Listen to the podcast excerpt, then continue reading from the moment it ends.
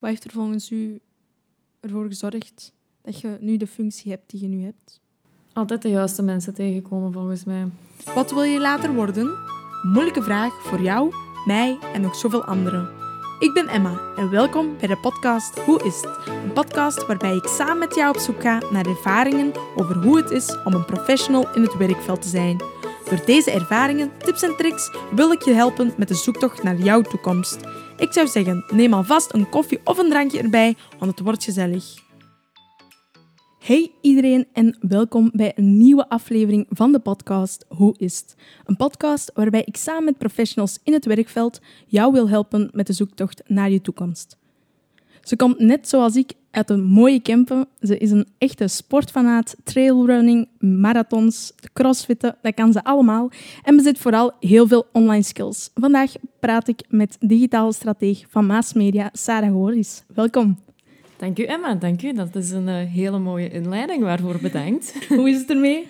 Ça va, ça va. Goed, goed. Uh, ik kijk eigenlijk oprecht al uit uh, naar mijn sportsessie vandaag. Uh, it keeps the mind sane, om het zo maar te zeggen. Maar goed.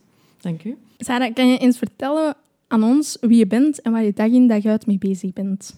Wel, ik ben dus Sarah. Ik ben een trotse Kempenaar hier in Geel. En vandaar eigenlijk ook werkzaam bij Maas Media, een lokaal agency hier in, in het Geelse ook. Ik ben, zoals je net zei, digitaal strateeg daar. Ik sta in voor de klantencontacten. Bij het groot, grootste aandeel van klanten wel bij Maas Media. Wat houdt dat in? Ik ben waarschijnlijk het eerste contact bij Maas Media. Ik doe de salesgesprekken. Sales heeft soms een negatieve connotatie. Ik noem het eerder de kennismakingsgesprekken met KMO's. Dan gaan we samen op zoek van oké, waar heb je nood aan als bedrijf? Waar wil je naartoe? Dan gaan we samen opportuniteiten ontdekken, zeg maar. Zowel online marketinggewijs als op vlak van website. Dat is één deel van de job. Het andere deel is bij bestaande klanten is even gaan opvolgen van hoe is het? Zijn ze nog tevreden van ons? Uh, zijn ze tevreden van de samenwerking? Zijn ze tevreden van de resultaten? Met als missie ja, uw bedrijf laten groeien. Dat is het eigenlijk in een notendop. En hoe zou je jezelf als persoon beschrijven? Ik denk sowieso sociaal. Vandaar ook de jobkeuze. Neem dat sociale weg. Het praten met mensen en ondernemers. En ik zou me maar half zo gelukkig voelen. Sociaal, sportief en een doorzetter. Ja. En heb je dat sporten, heb je dat ook nodig om dat te combineren met je werk? Sowieso. Zeker nu met thuiswerken. Je hebt enerzijds je energie dat je terug wilt opbouwen. Want meestal als je een, een energiedipje hebt na het werk, gaan veel mensen even in de zetel liggen. Maar als, als ik me leeg voel, moet ik precies ergens mijn energie gaan kwijtvoelen voor daar terug energie uit te halen. Dus sowieso dat aspect aan sporten heb ik echt nodig. En het sociale aspect. En dat heb je ook nodig om gewoon goed je werk te doen. En zou je dan ook een actieve vakantie boven een chillvakantie of een cultuurvakantie verkiezen? Sowieso, ja. Standaard zijn wandelschoenen en loopschoenen iets dat in de koffer zitten. En wat vind je vooral vandaag de dag belangrijk? Interacties met mensen. Omdat we denk ik meer dan ooit geïsoleerd leven. Maar ik denk dat we ook meer dan ooit het belang van goede relaties beginnen in te zien. Vond je vroeger studeren ook belangrijk? Ja, ik vond dat heel belangrijk vanaf mijn 18 in het middelbaar, hoe dat wij het hier in Geel zeggen, smeet ik mijn klakkeres hinnen. Maar uh, vanaf mijn 18 vond ik dat heel belangrijk. En ik kan wel zeggen dat ik ook 100% altijd voor mijn studies ben gegaan. En als we zo nu even terugblikken naar je studententijd, was jouw toekomst toen al ook al uitgestippeld? Wist je toen al wat je wilde doen? Nee, helemaal niet. Dat is misschien ook typisch aan mij. Ik ben heel hard stapje per stapje. En ik denk niet al te hard na op lange termijn. Ik wist gewoon dat ik communicatiewetenschappen wou studeren. En daar ook heel veel gesprekken rond gehad thuis, van wat zijn de toekomstmogelijkheden, et cetera, et. Staan daar natuurlijk jobs in de media tussen, journalistiek en dergelijke meer. Zijn er natuurlijk ook gesprekken geweest van, ja, zoveel zekerheid is daar ook niet in, waar je als 18-jarige ook wel rekening mee moet houden. Maar ik had zoiets van, inhoudelijk gaat dat mijn studierichting zijn. Want dat boeit mij enorm. En ik ben heel blij dat ik dat toen heb gedaan. Want oprecht, ja, je hebt wel stomme vakken, gelijk statistiek, economie, sociale geschiedenis. Maar die richting heeft mij altijd heel hard getriggerd en heel hard geboeid. Dus ik ben heel, heel blij wel dat ik die studierichting heb gedaan, gewoon puur qua inhoud. En daarom niet te lang stil te staan met, met het uitgestippeld pad, zeg maar. Want dat was er niet. En vond je die keuze maken, vond je dat moeilijk? Nee, eigenlijk niet. Omdat dat eigenlijk vrij voor de hand was om iets in de communicatie te gaan doen. En dat klinkt heel vaag, want je hebt zowel van die vooroordelen, mensen die communicatie studeren, die weten eigenlijk niet wat ze willen doen, want dat is super breed, et cetera, et cetera. Maar ik communiceer gewoon super graag. Ik, ik ga heel graag terug naar de basics van communiceren. En dat is gewoon zender die een boodschap overbrengt naar de ontvanger zonder ruis. En die boodschap moet gewoon zo goed mogelijk zijn. De zender moet het goed brengen. De ontvanger moet capabel zijn om het te ontvangen. En dat heeft me altijd super hard geboeid. Alle manieren van communiceren. En als je nu terug achter je schoolbankje zou gaan zitten, zou je dan net dezelfde richting hebben gekozen? Absoluut, ja. Ik zou het los opnieuw doen. Hoe zou je je eigen studententijd dan beschrijven? Goh, te braaf eigenlijk wel. Dat durf ik zeggen. Heel interessant, want ik zeg het, ik heb superleuke dingen geleerd en boeiende dingen geleerd die ik nu op de werkvloer zelfs soms wel gebruik. Maar als ik zo hoor wat mensen vertellen over hun studententijd, pas op, ik ben ook niet heiliger dan de pauze. Ben ik ook tot een kot in de nacht op café geweest en wat is het allemaal. Maar ik, ik kan denk ik echt op twee handen tellen welke lessen ik heb gemist. Ik zat altijd in de les. Dat heeft wel vaak ook in mijn voordeel gespeeld bij een mondeling examen bijvoorbeeld. Maar ik denk dat ik, als ik het opnieuw zou doen, wel wat meer lessen zou skippen. En hoe een soort student was je dan? Een doorzetter. Doorzetter? Absoluut, ja. Mijn eerste examenperiode was heel emotioneel. Heel hard wenen van ik ga het niet kunnen, ik ga iets anders studeren, ik kan het niet. Omdat een van mijn leerkrachten in het middelbaar had gezegd van oei Sarah, je gaat universiteit doen. Daar ben je niet serieus genoeg voor. Ze. Ik zou er toch nog maar eens over nadenken. Ja, niet over nagedacht, dus dat toch maar gaan doen. Eerste examenperiode. Oh nee, die leerkracht had, had gelijk. Wat zit ik hier te doen? Ik had iets totaal anders moeten gaan doen. Maar ik heb gewoon voet bij stuk gehouden en dan gewoon met door die boeken geploeterd. En ik heb nooit een herexamen gehad. Je hebt een master communicatiewetenschappen aan de Universiteit van Antwerpen gedaan. Hoe heb je zelf die studie ervaren? Ik heb wel ervaren, omdat ik dan ook nadien een professionele bachelor heb gedaan, dat universitaire richtingen nog wel vrij oldschool zijn. En je bent gewoon een nummer. Hè. Daar had ik mijn eerste jaar heel moeilijk mee in Antwerpen. Of eender welke universiteit. Kan natuurlijk een andere stad zijn geweest. Maar ja, je zet oprecht gewoon je studentennummer. Niemand dat Sarah Goris uit Geel bijvoorbeeld kent. Hè. En wat waren volgens jou de valkuilen van de richting communicatiewetenschappen? Niet alles op je af laten komen wanneer de blok begint. En ja, zo, ik heb die vakken daarnet ook al aangehaald. Je hebt grote buisvakken zoals statistiek en economie, waar je ook aan merkt dat heel veel studenten daarlangs worden uitgefilterd. En ja, ik was de saaie die dan na les economie haar boek ging open doen voor dat hoofdstuk te herhalen. Ik heb soms ook gedacht van, Sarah, wat zijn je nu aan het doen? Had toch gewoon met uw maten ook een pintje gaan pakken? Maar dat is wel vaak mijn redding geweest in die opleiding. Absoluut, ja. En een valkuil is dan, als ik dat durf zeggen, ik heb een heel schoon pad afgelegd.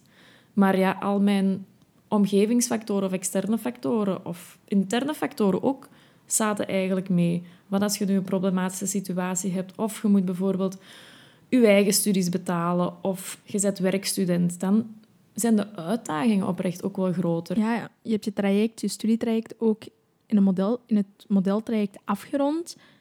Hoe keek jij ten opzichte van studeren? Want je vond dat al belangrijk, studeren vroeger. Maar had je ook zoiets van, ik moet dat in zoveel jaar afgerond hebben? Ja, ik leg de lat voor mezelf graag hoog. Soms iets te hoog. Maar ja, als het te hoog ligt, dan ga je gewoon keihard op je bakjes en dan probeer je opnieuw natuurlijk. Maar ja, ik heb eigenlijk ja, een modeltraject afgelegd. Ik heb er niet langer over gedaan dan nodig was. Maar als ik daar nu op terugblik, er is echt niks mis met een jaar langer studeren of studiepunten moeten meenemen, dat je misschien pas na een half jaar bent afgestudeerd tegenover dat je volgens het modeltraject eigenlijk in juni had kunnen afstuderen. Ja, heel veel studenten hebben het ook heel moeilijk uh, om te studeren. Studiemethodes ontwikkelen. Had je zelf, moeil Allee, had je zelf moeilijkheden daarmee? Met de grote hoeveelheden bijvoorbeeld studeren of dergelijke? Ja, en ik was toen heel dankbaar dat er nog samenvattingen te koop waren. En dat heeft mij echt wel heel hard geholpen door de massa's pagina's je anders moest doorploeteren. En welke andere moeilijkheden heb je zelf ervaren tijdens je studententijd? Plannen. En de sociale verleiding. Opkomt bijvoorbeeld, hé hey Sarah, we gaan allemaal een pintje pakken, ga er mee? Tuurlijk, ga mee. Maar dan moet je daar op een andere dag wel voor inboeten natuurlijk. Dat je iets achter staat op schema of dat je iets moet bijbenen. Ja. Hoe heb je het kotleven ervaren zelf? Goed. Ik zou het iedereen aanraden, oprecht. Je leert zelfstandig zijn. Je leert min of meer koken, bij wijze van spreken. Je leert deuren openen, al is het maar je kotgenoten ontmoeten, op je eigen benen staan. Ja, dat heeft mij ook wel geholpen met sneller opgroeien, denk ik. En wat was zo het leukste moment of het hoogtepunt van heel je studententijd? Ik denk volgens mij de pitch uit mijn verkort traject. Omdat je dan beseft wat je meerwaarde is als student of eigenlijk de touch met de maatschappij. Die pitch was een opdracht waar we uh, in groep aan hadden gewerkt voor echte bedrijven. Toen was dat Rock Werchter en Duvel bij ons. En we mochten die dan ook echt gaan pitchen bij natuurlijk een groep docenten, maar ook een afgevaardigde van dat bedrijf. En dat was toen even een aha-momentje van... Alright, dit is dus mijn brug naar de werkelijkheid, zeg maar. Want dat geef ik wel toe. In communicatie is dat vaak zo van, ja... En hoe is dat nu in het echte leven? Want je leert wel van alles en communicatietechnieken en dergelijke meer. Maar toen werd pas echt duidelijk van... Cool, dit kan ik dus bijbrengen aan de bedrijfswereld. En ja, tijdens je studententijd moest je natuurlijk ook stages doen. Je hebt twee verschillende stages gedaan met twee verschillende bedrijven. Hoe verliep die zoektocht naar stages zelf? Ik vond het heel leuk eigenlijk om een stageplaats te zoeken. Zeker de, mijn tweede stage was 15 weken lang, dus dat is wel een hele periode. Dat is drie à vier maanden. Dus dat moest plezant en goed zijn en natuurlijk nuttig naar de toekomst toe. En ik heb toen bij bepaalde sollicitatiegesprekken als stagiair wel bij die lange stage mijn stoute schoenen aangetrokken en gewoon vaak gevraagd van oké, kijk, stel de stage valt zowel voor mij mee als voor u. Wat is mijn kans op een job hier? Want uiteindelijk zet je wel heel wat werk aan het verrichten en kost het van het bedrijf zelf ook wel wat werk om u onder de vleugels te nemen. Maar als je 100% of 200% inzet in een land waar er eigenlijk ook geen vrijwilligersvergoeding wordt gegeven aan stagiairs, vond ik wel dat er iets tegenover mocht staan van oké, als er een wederzijdse klik is, wil ik weten hoe het met u economisch gezien gaat om een extra werkkracht aan te nemen. Ja. Bepaalde dat uw keuze van uw stages? Zeker bij die laatste stage heeft me dat heel hard... Dat was niet de belangrijkste factor in mijn keuze, maar het heeft wel de doorslag gegeven. Oké, twee bedrijven waren interessant, maar daar zou er misschien een toekomst kunnen zijn. Pas op, wel natuurlijk met de nuance dat ik mijn stage leuk zou vinden en dat het bedrijf ook content zou zijn van, van mezelf. Want anders is dat geen duurzame relatie natuurlijk. Maar ik heb daar wel uh, veel belang aan gehecht, ja. Je hebt dan, uh, ik heb dat al gezegd, dat je twee verschillende stages hebt gedaan bij twee verschillende bedrijven. Heb jij bepaalde verschillen gemerkt tussen de twee stages zelf? Ja, absoluut. Mijn eerste stage was bij de VRT. En heb ik mij eigenlijk laten leiden gewoon door de naam van het huis, zeg maar, VRT. Want wie wil nu geen stage doen bij VRT? En dat was bij de cel van beroepsethiek. Super interessant, want ik vond het heel boeiend om te zien hoeveel Vlamingen zich kunnen opwinden over het flesje Teunisteiner bij thuis dat te lang in beeld komt, want wee, een overheidsinstantie mag geen reclame maken voor Teunisteiner. Dat ik mij afvroeg van, wauw, mensen zijn oprecht soms nog heel verzuurd, of niet? Dus dat was heel boeiend wel. En ik heb daar zes weken veel geleerd. Maar ik heb toen te snel mijn keuze gemaakt op basis van het imago van stage te doen bij de VRT. Wat maakt dat mijn tweede stage bij een privaat bedrijf was, een agency.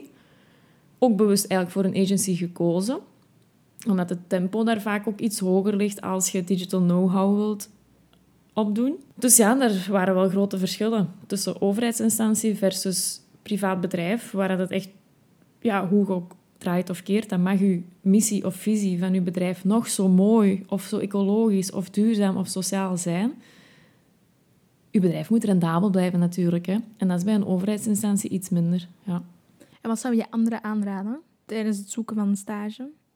Of een stage doen zelfs? Vraag u af, de persoon dat je voor u krijgt tijdens een sollicitatiegesprek, wat het leukste is aan hun job of waarom dat zij doen wat ze doen. Wat is het hoger belang van het bedrijf?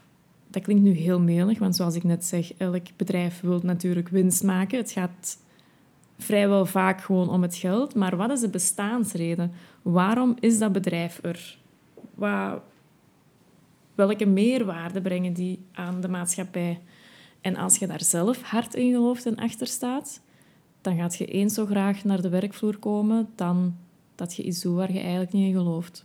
Wat heb je het meest geleerd tijdens je, je stageperiode? Twee zaken. Durf keihard op je bakken gaan. Steek je nek uit. Laat zien dat je wilt en kunt werken en dat je niet moet onderdoen, ook al ziet je nog wat groen achter je ogen.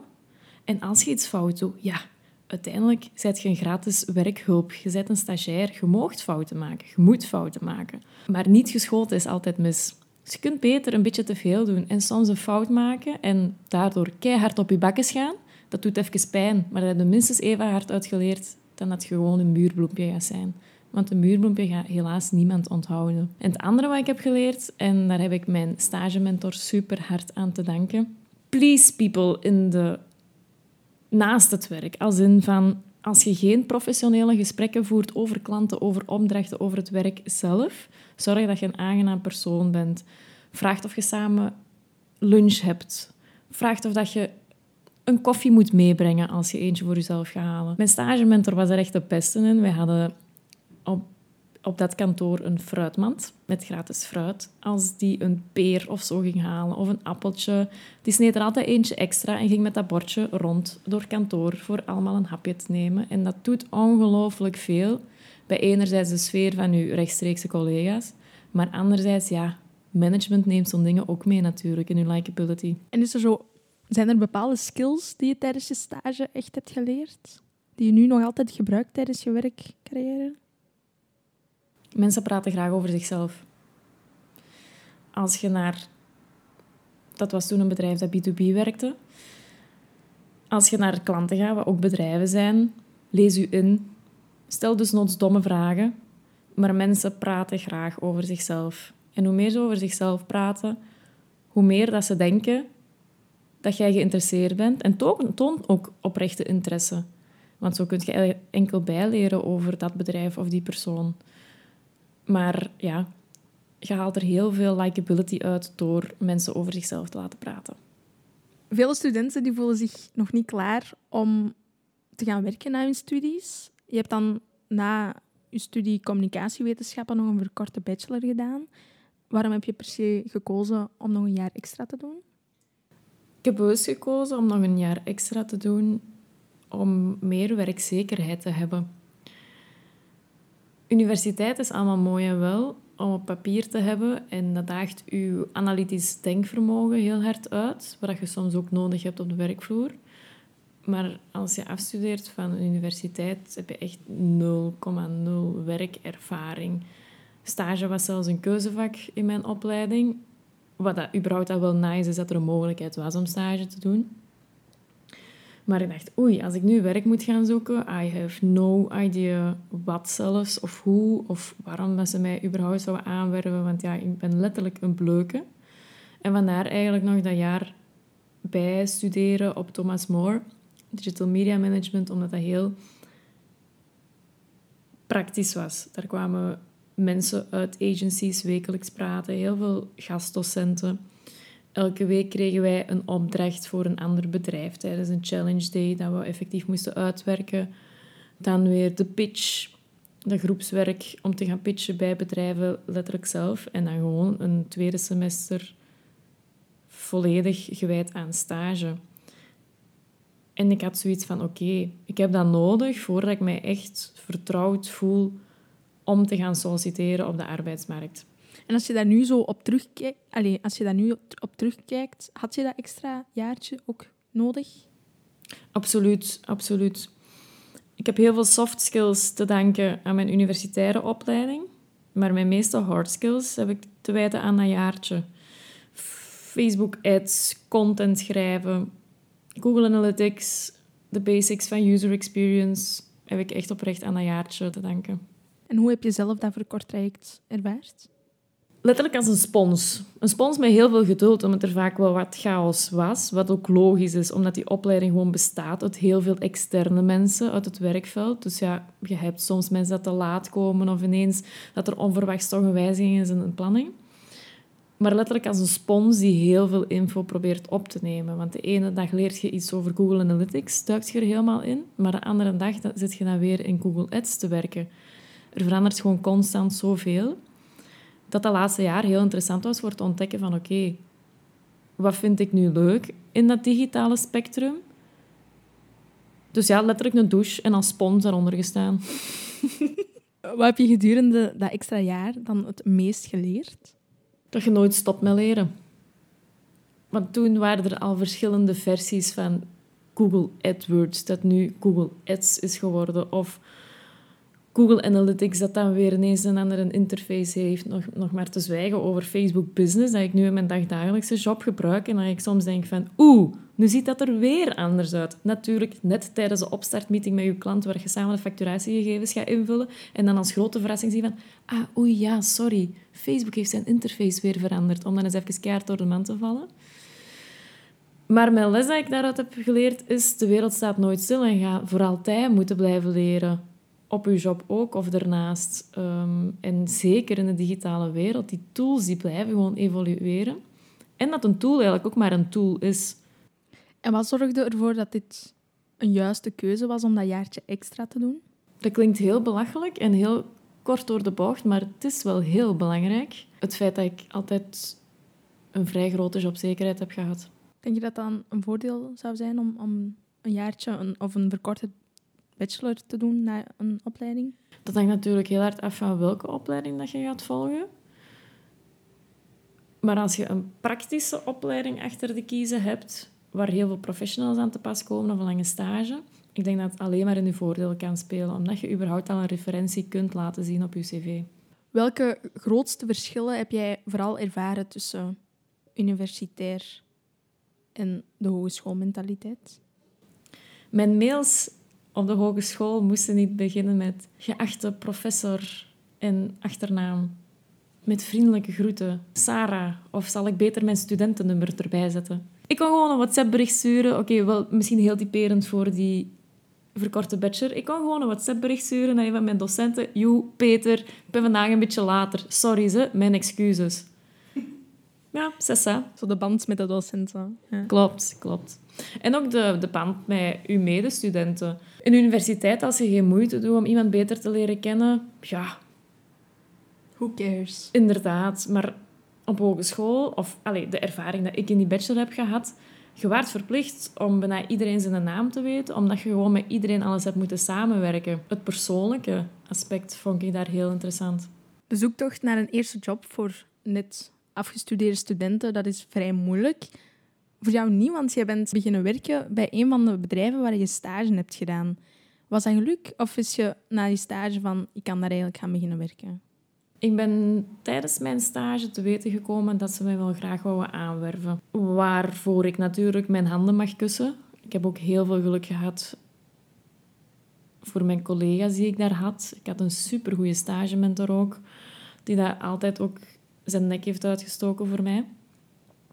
Maar na x aantal weken had ik al wel zoiets op die stage van oké, het is hier wel fijn werken. Ik zou het niet verkeerd vinden om hier terecht te komen. En dat gevoel was wederzijds bij die werkgever van oké Sarah, hoe zou je het vinden om hier misschien te blijven? Ehm, en zo was die bal aan het rollen. Ja, je kent elkaar na zoveel maanden wel door en door. Ik was daar ook elke dag. Mijn stagementor woonde ook twee huizen van mijn kot, wat het ook allemaal kei plezant maakte. Leuke anekdote. Mijn stagementor heeft mij Ricard leren drinken.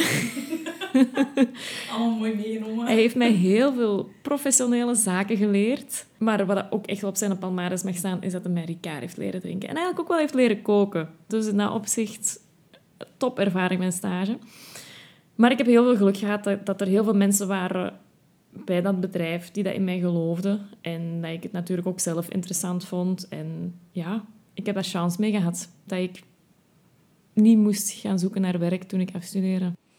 En hoe zou je jouw eigen pad richting je functie als digitaal strateeg beschrijven? Stop nooit met leren en stop nooit met plezier hebben. Als het geen uitdaging meer is, als je er zelf niks meer uithaalt qua lessen of plezier, dan is het tijd voor iets anders. Dat is een heel standaard antwoord, ik weet dat. Maar ik heb geen uitgestippeld pad verder. Ik heb zoiets van, we zien wel. Je functie als digitaal strateeg, dat klinkt best wel ingewikkeld, misschien voor sommigen. Stel, je zou tegen anderen vertellen wat een digitaal strateeg doet, of wat je functie is. Hoe zou je dat vertellen aan anderen?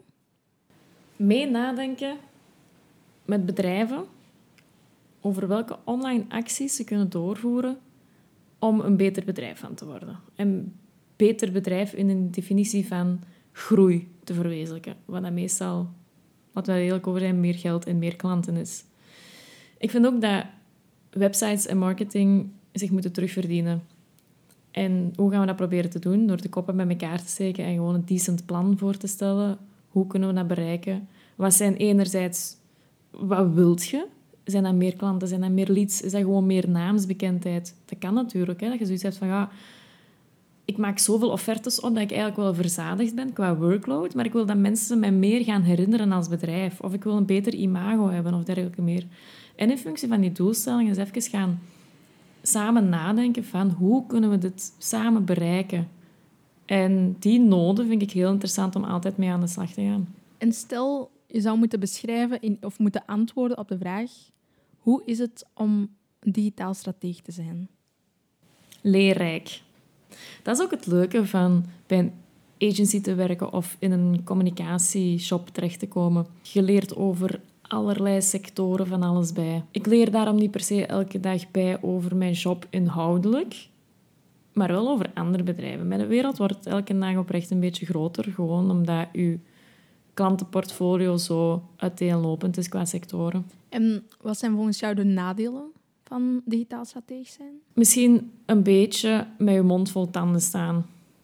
Als in, je hebt heel veel KMO's, ondernemers, die dat heel diep in hun wereld zijn en ook alleen maar in termen van hun eigen bedrijfswereld praten.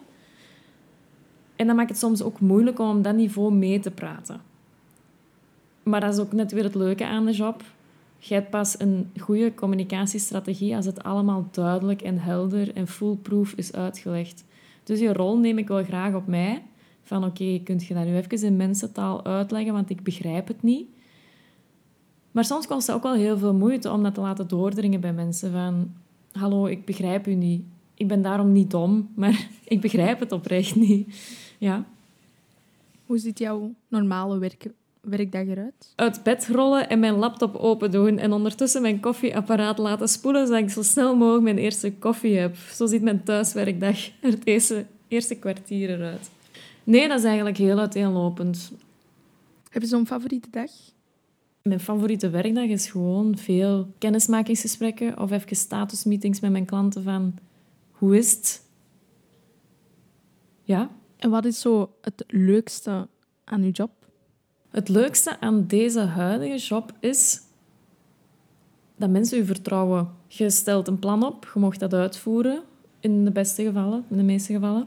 En mensen vertrouwen erop dat er iets goed gaat gebeuren met hun investeringen. Investeringen zowel in hun advertenties, Google, Facebook, mailings, noem maar op, maar ook een investering in uw werk of het werk van uw collega's. En mijn leukste klanten zijn ook de mensen dat mij het meeste vertrouwen, waar dat je om de zoveel maanden nog eens mee samen zit en zegt van het loopt zo en zo en zo.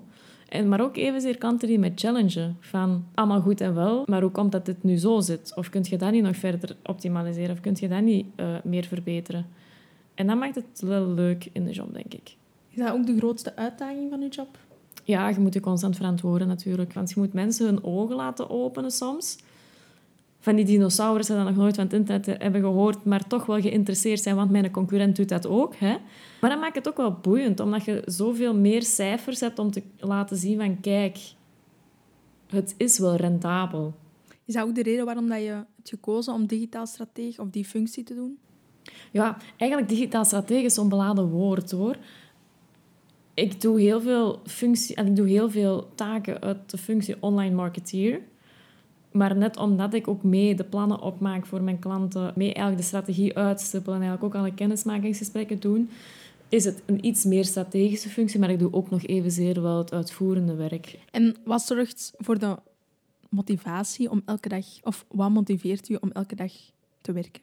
Het motiveert mij om te weten dat ik effectief wel bedrijven help. Allee, ik niet alleen, heel, heel het team helpt bedrijven waar ze anders niet zouden verwezenlijken. Dus dat is wel mijn drijfveer, ook een heel groot sociaal aspect eigenlijk. Ja. Welke eigenschappen of skills moet een goede digitale strategie hebben volgens u? Sociaal zijn, empathisch. Nee, vervang sociaal door empathisch. Je moet je kunnen inleven wat je zelfstandige zijn positie is, wat dat je meemaakt en waar dat je naartoe wilt. Want anders zit je gewoon naast elkaar aan het communiceren. En dat is één, heel vermoeiend. En twee, niet duurzaam gewoon. Dus ik denk echt gewoon een empathisch inleefvermogen van wat wilt je, waar wilt je naartoe, wie bent jij en hoe kunnen we elkaar helpen. Je hebt dan ook een tijdje als freelancer gewerkt. Wat vind je daar, of wat vond je daar het leukste aan? Freelance werk is leuk omdat je je eigen baas bent, ja, zelfstandig zijn. En vooral, ik heb dat op vrij jonge leeftijd een paar maanden gedaan, dus dat heeft geen grote stempel gedrukt op mijn carrière of zo. Maar je beseft wel meer hoe dat dingen in elkaar zitten. BTW-nummer, een offerte opmaken, een bestelbon. Uw relatie met, met, van bedrijf tot bedrijf. Dat heeft mij op dat vlak wel heel veel leerrijke ervaringen gegeven om nu mijn huidige job bijvoorbeeld uit te oefenen. Hoe dat, dat allemaal werkt om inderdaad een bedrijf te runnen. Want op zich, ik ben nu ook maar gewoon een werknemer. Ik moet me geen zorgen maken over onze btw-nummer of weet ik veel wat. Hoe dat onze factuur eruit ziet, hoe onze bestelbon eruit ziet, onze offerte. Maar dat zijn wel zaken die geleerd door zelfstandige te zijn, al is het maar een bijberoep van oké, daar komt ook wel heel wat bij kijken. Zou je dat ook aanraden aan anderen, om freelancer te worden?